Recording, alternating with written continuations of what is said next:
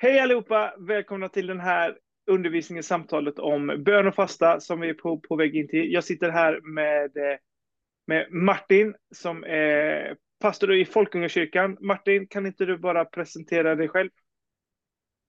Ja, hej allihopa i Korskyrkan. Jag heter Martin Tebus och som Johan sa så är jag nybliven pastor i Folkungakyrkan.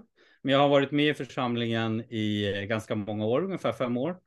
Och före det har jag varit inblandad i ganska mycket olika sammanhang som har berört just ämnena bön och fasta. Och jag tror att det är utifrån det som Johan idag har ringt upp mig. Precis, för jag tänker det här att innan vi går in i vår fasta period här vi ska i Korskyrkan så tänker vi att då är det bra att vi får börja med grunderna. Vad är fasta? Och vad säger Jesus att fasta är och hur fastar man och vad finns det för fallgropar och vad ser vi för, vad finns det, vad kan, tips och tricks som Martin kan dela med oss. Så mm. låt oss eh, köra igång, men låt oss börja med att be. Herre, jag tackar dig för att du är med i det här samtalet. Att du får leda, att det får bli ditt ord som står i centrum, att, att vi, får, vi får höra din röst tydligt, Herre Jesus. Jag ber för alla som tittar eller lyssnar på det här, att, man ska, att de ska få höra dig tala, Herre Jesus. Så vi bara ber välsignelse över Martin och Folkörkyrkan och över mig och, och över Korskyrkan idag, Herre. Amen. Amen. Men, men Martin, vad är fasta, skulle du säga? Jag tror att eh, den enkla förklaringen är att vi... Eh, det, det är när en person under en begränsad period gör sig frivilligt svag. Företrädelsevis genom att avstå från mat men också ibland dryck. Och vi gör oss fri, vi går in i frivillig svaghet för att uttrycka vårt beroende av Gud. Vår, vår, att vi behöver Gud. Och att i det så uttrycker vi att han är den starke i relationen. Så vi medvetet böjer oss under honom försvagar oss själva för att göra oss mer liksom känsliga och mottagliga för vem han är och hans vilja, hans budskap till oss och så vidare. Så skulle jag ja, nog väldigt enkelt du, förklara det. Du pratar också om det här med mat och dryck som jag tänker kanske är den fasta många känner igen. Men liksom, tänker, kan man tänka bredare kring fasta? Alltså media, till exempel, många pratar om... Det finns, jag menar, jag Utifrån Bibeln så tror jag kanske att det är svårt att beskriva att det finns andra saker som vi kan kalla fasta. Men eh, det finns ju andra begrepp som avhållsamhet och, och, så vidare som kanske bättre passar in på det du beskriver med media. Och jag ser inget problem i det. Jag kan ju tänka mig att, att det finns en hel del, eh, eh några personer som kanske direkt inte bör fasta, typ eh, barn, gravida, sjuka personer, ammande mammor och så vidare. De som har ätstörningar bör nog inte heller fasta. Eh, och eh, så, så där kan man ju tänka sig andra, andra tillvägagångssätt om man ändå vill stå med i det som församlingen gör. Men jag skulle, skulle... från Bibeln så är det svårt kanske att kalla det fasta. Sen så har vi ju den här texten i, i, eh, i Jesaja 57, va? eller 58. Det här är den fasta jag vill se och så vidare. Som ofta tas upp som någon slags eh, bibeltext som skulle tala emot fasta. Men jag har lite svårt att se det på det sättet. Utan den handlar snarare om motiv. Var noga med våra motiv till fasta. Mm. För fin, finns det inte också en del, jag tänker också en del av omvändelsen i, i, i fasta? Alltså precis det du pratar om att jag är svag. Alltså jag tänker när, när när Jon åker till, till, till Nivernäs så står det att folket omvänder sig och fastar och klär sig aska liksom någonstans också där att, att vår, vår, vår fastan är också någonstans att vi omvänder oss ifrån det här att vi gör oss svaga för att Gud ska få större, ta större plats. Alltså vad, vad, vad i mitt liv behöver jag omvandla mig från? Vad i mitt liv behöver jag avhålla mig från för, för att jag ska få gå djupare i min relation med mm. Herren? Ja. Eh, jag tror det är mycket det det handlar om. Jag tror det handlar ga egentligen ganska lite om att vår fasta på något sätt skulle få Gud att verka på andra sätt än vad han skulle göra annars. Utan jag tror framförallt allt att det, att det mjukar upp våra egna hjärtan, öppnar våra öron och våra sinnen för vad han håller på med. Mm. Men vad ser vi för exempel att Jesus pratar om fasta? Vad, vad säger Jesus att fasta, om fasta? Ja. För det första så tänker jag på ett bibelställe i eh, Matteus sjätte kapitlet. Där står det så här, Matteus 6, 16. När ni fastar, se då inte så dystra ut. Står det ungefär. Och, men det som jag särskilt vill betona i relation till ett snack som pågår i kristenheten om att fasta inte skulle vara någon slags nytestamentlig eh, eh, handling.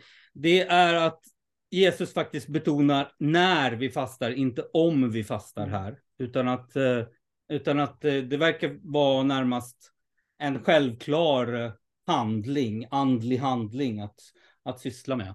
Eh, vilket jag tycker är intressant. Sen så följer ju då de här eh, texterna om, om att vi inte ska liksom klä oss i säck och aska och stå och klaga i gathörnen kring det, utan att, att vi kan göra det på ett, ett snyggt och eh, eh sätt som inte nödvändigtvis väcker så mycket uppmärksamhet.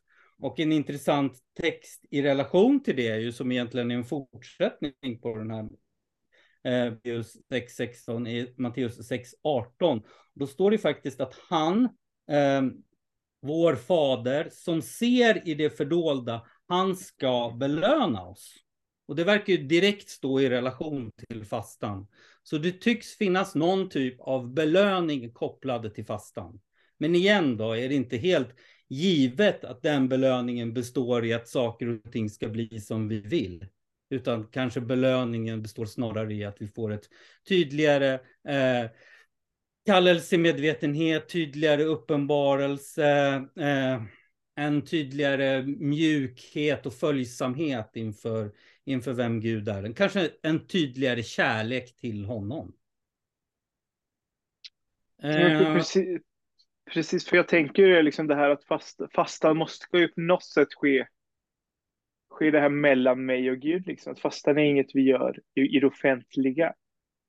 Eh, och och sen, sen, sen, sen, nu ska vi som församling fasta tillsammans. Och det, där finns det en, både en möjlighet och en utmaning, tänker jag, att det är något vi får göra tillsammans, men att det inte får bli någon andlig tävlan som, som, som, som jag i alla fall lätt kan, kan handla i, och att jag försöker kategorisera in människor och hur de fastar, utan att det får bli, ja men det här är mellan mig och Gud, men vi gör det som, som en familj, som bröder och systrar. Precis. Det vi kan komma överens om är att vi ska fasta. Mm. Sen hur vi ska fasta kan ju vara väldigt mycket upp till var och en i förhållande mm. till Gud. Mm. Men det, jag tänker på några till anledningar faktiskt så, som vi kan prata om, som Jesus tar upp. Jag tror att det är i Markus evangeliet kapitel 9. Det är en text om, eh, om eh, en någon demon, vill jag minnas. Jag ska se om jag... Och den, där är det lite oklart i olika bibelöversättningar om den texten är med eller inte. Men det är, det, det är någonting med att demoner i någon uh, pojke vill jag minnas. Där det mm. står, där Jesus säger i alla fall i vissa översättningar att den där sortens demoner, den kan bara drivas ut med bön och fasta. Precis. Så det tycks finnas någon slags speciell kraft i fastan som, som det är väl något av ett mysterium, men det är mm. definitivt värt att, uh, att utforska. Jag vill minnas också en, en text som jag tycker är intressant i det här fallet. Jag tror att det är i Daniels, profeten Daniels bok, kapitel 10, 11, 9, 10, 11, där någonstans. Då, då, då det är en, en massa händelser som, som är på väg att uh, uppdagas. Gud ska göra en massa saker och det kommer en ängel och säger till Daniel något i stil med eh, redan första dagen när du fastade mm. så mm. började vi agera. Och det här mm. är ett antal dagar efter den här händelsen. Så att det är, det är uppenbarligen så att vid en fasta så, så sätts saker och ting i rörelse i det himmelska, i det andliga. Mm. Ja, men precis. Ja, fortsätt. Ja, ja, men jag, har, jag, jag tror jag har en text till och mm. det är från Matteus. Uh, igen, Matteus. Nu ska vi se, Matteus 14, 9, 14. Jo, den här är ju spännande. Eh, Matteus 9.14 står det så här. Sen kom Johannes lärjungar fram till honom, alltså till Jesus, och frågade varför fastar inte dina lärjungar när både vi och fariseerna fastar? Och då svarar Jesus, inte kan väl bröllopsgästerna sörja så länge brudgummen är hos dem. Men det ska komma en tid då brudgummen tas ifrån dem och då kommer de att fasta. Mm.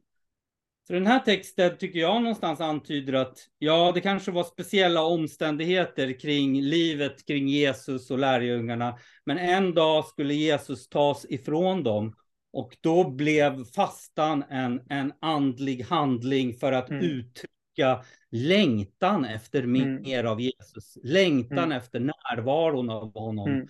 Längtan efter hans återkomst. Att han just mm. nu inte är hos oss. Mm. Men han har lovat att komma tillbaka och fastan blir någon form av uttryck.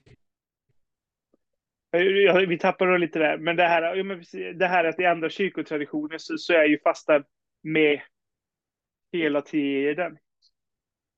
Jag pratade ja. med en ort, ortodox munk en gång. De fastar ju väldigt mycket inför olika högtider, men, men, men, så sa han att de har ingen fasta inför pingsten.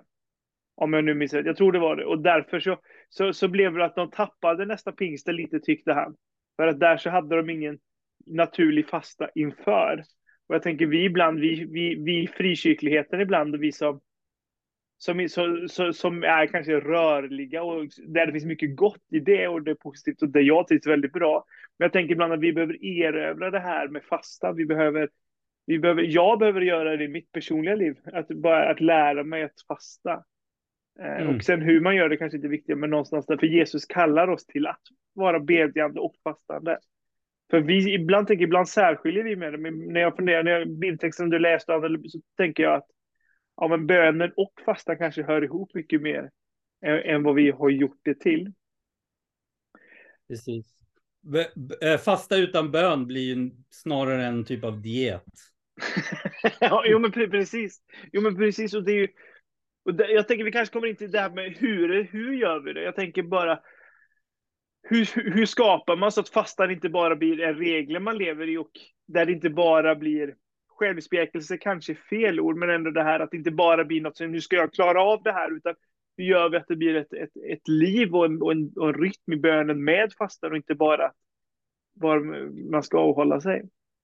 Alltså, jag tror att man kan tänka på fasta på lite olika sätt. Om jag förstår eh, er situation rätt så, så står ni inför några specifika val och några specifika liksom, beslut som ni behöver ta och där, där är fastan i allra högsta grad relevant. Men jag skulle, och det finns en hel del bibliska exempel som pekar i den riktningen också. Eh, sen så jag, jag, personligen levde under en period, under några år, i mer överlåten fasta än vad jag gör idag. Nu är jag mer massa barn och familj och det är lite, det är lite svårare att få ihop det och fasta när man, när man har det här familjepusslet och, och spaghetti och köttfärssås och sånt där. Men, men det, det, var under en period, jag och min fru gick in mer överlåtet i bön uh, och vi... Eh... Kan du bara ta det en gång till det här att ni gick in i, i, i fasta, för där någonstans tappade vi dig. Jo, men vi, vi gick in i någon slags, egentligen var det att vi gick in i en överlåten eh, bönetjänst. Som var att vi under två dagar i veckan eh, valde att inte jobba. Vi hade en flex, flexibel jobbsituation, men vi bestämde, vi kände en kallelse från Gud att gå in mer aktivt i, i, i bön för Sverige och för kyrkan och församlingen som vi var i. Och då beslutade vi att fasta två dagar i veckan. Och det var ju egentligen, det fanns inga specifika eh, ämnen som vi, som, som vi fastade i relation till, utan det var ju just för att göra oss mer känsliga för Herren, mer mottagliga, att, att eh, bönen inte skulle distraheras av att vi skulle lägga för mycket tid och energi på vad vi skulle äta till lunch och så mm. vidare. Utan, utan det blev ett sätt liksom att, att veta att den här dagen är det bara bönen som gäller. Och mm. fastan mm. blev som någon slags eh, landningsbana kändes det som för Guds relationen. För mm. Guds närvaro i, mm. i våra liv. Mm. Men i Bibeln så finns det ju, jag tänker på ett antal olika fastor. Det kan ju vara intressant att, att känna till att Bibeln talar om fasta på lite olika sätt eller olika typer av fasta. Där den mest extrema är den som kallas för Esterfasta, om du har hört talas om mm. den.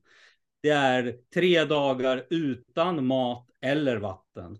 Oj. Och den verkar vara, det är ju verkligen hardcore-fastan. Och den, den den var ju någonting som Ester, drottning Ester kallades in i, i relation till att hennes folk eh, var på väg att utrotas, alltså någon typ mm. av, av mm. ja, en förföljelse av, av hennes folk. Mm. Eh, sen så har vi ju en betydligt liksom lightare fasta, det är ju den som kallas för Danielfasta. Mm. Jag tror eh, det var väl ungefär i det kapitlet som jag talade om, Daniel 10. Jag tror det nämns på två olika ställen på lite olika sätt, men då är det väl jag tror att det är 21 dagar utan kött, vin och läckerheter. Mm. Den är ju hyfsat liksom enkel att följa. Jag mm. tror att det är mycket den som de historiska kyrkorna mm. följer inför mm. påsk och mm. inför eh, advent. Va? Mm, mm. Jo, men pre precis. Och det, där har ju vi den, där kallar vi också fasta, men det är ja, precis. Men vad, vad skulle du säga, vad, vad, vad, ser du för fallgropar som det finns där när man börjar fasta? Vad skulle du säga att det finns för man kan hamna i? Några fallgropar är att uh, tänka effekt. Att, att det ska ge en effekt direkt. Mm. Och där är den här texten från Daniel ganska tydlig med att mm. redan första dagen han fastar mm.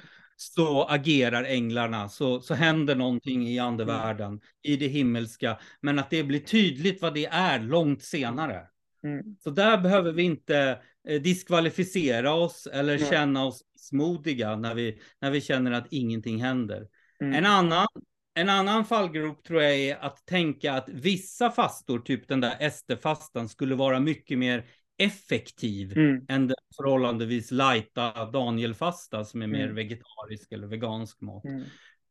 Och där tror jag det igen handlar väldigt mycket om relationen till Gud. Vad, vad, mm. vad kommer vi överens om? Jag tror att det, att det är bra att eh, ha en dialog med Herren om hur ska just jag fasta under mm. den här perioden. Mm. mm. Och jag kan, jag kan faktiskt dra ett, en egen erfarenhet av det här. Mm. Jag bodde i USA med min fru. Eh, vi var eh, väldigt aktiva i ett i ett, bö, ett böneministry där i USA och eh, eh, min fru blev gravid. Eh, upptäckte vi. Och eh, i den vevan så upplevde jag från Herren att jag skulle fasta för livet i hennes mage på två olika sätt. Jag skulle fasta eh, jag minns inte exakt hur det skulle gå till, men det var under en längre period skulle jag fasta Daniel-fasta och i, insprängt i den perioden skulle jag eh, fasta på ett lite mer radikalare sätt under vissa dagar. Och jag hade ingen aning om varför jag skulle göra de här två fasterna och i kombination med varandra. Eh, men jag försökte vara lydig och jag gjorde det. Och eh, några månader senare när vi kom hem till Sverige och gick och gjorde sådana här ultraljud så upptäckte vi att det var att vi väntade tvillingar. och, att, och att jag sammankopplade då den här äh, tanken om att två olika fastemetoder hade någonting att göra med att det var två liv i magen. Mm. Martin, tack, tack så jättemycket för att du tog dig tid. Eh, så vi hoppas att du, du, får, du får komma ner och predika hos oss i en gudstjänst här lite längre fram. Det gör jag eh, jättegärna. Ja, men gott. Men du får ha en eh, fortsatt bra kväll och med, med familjen. Så synes vi och hörs vi. Tack, tack så jättemycket. Tack själv. Gud välsigne er.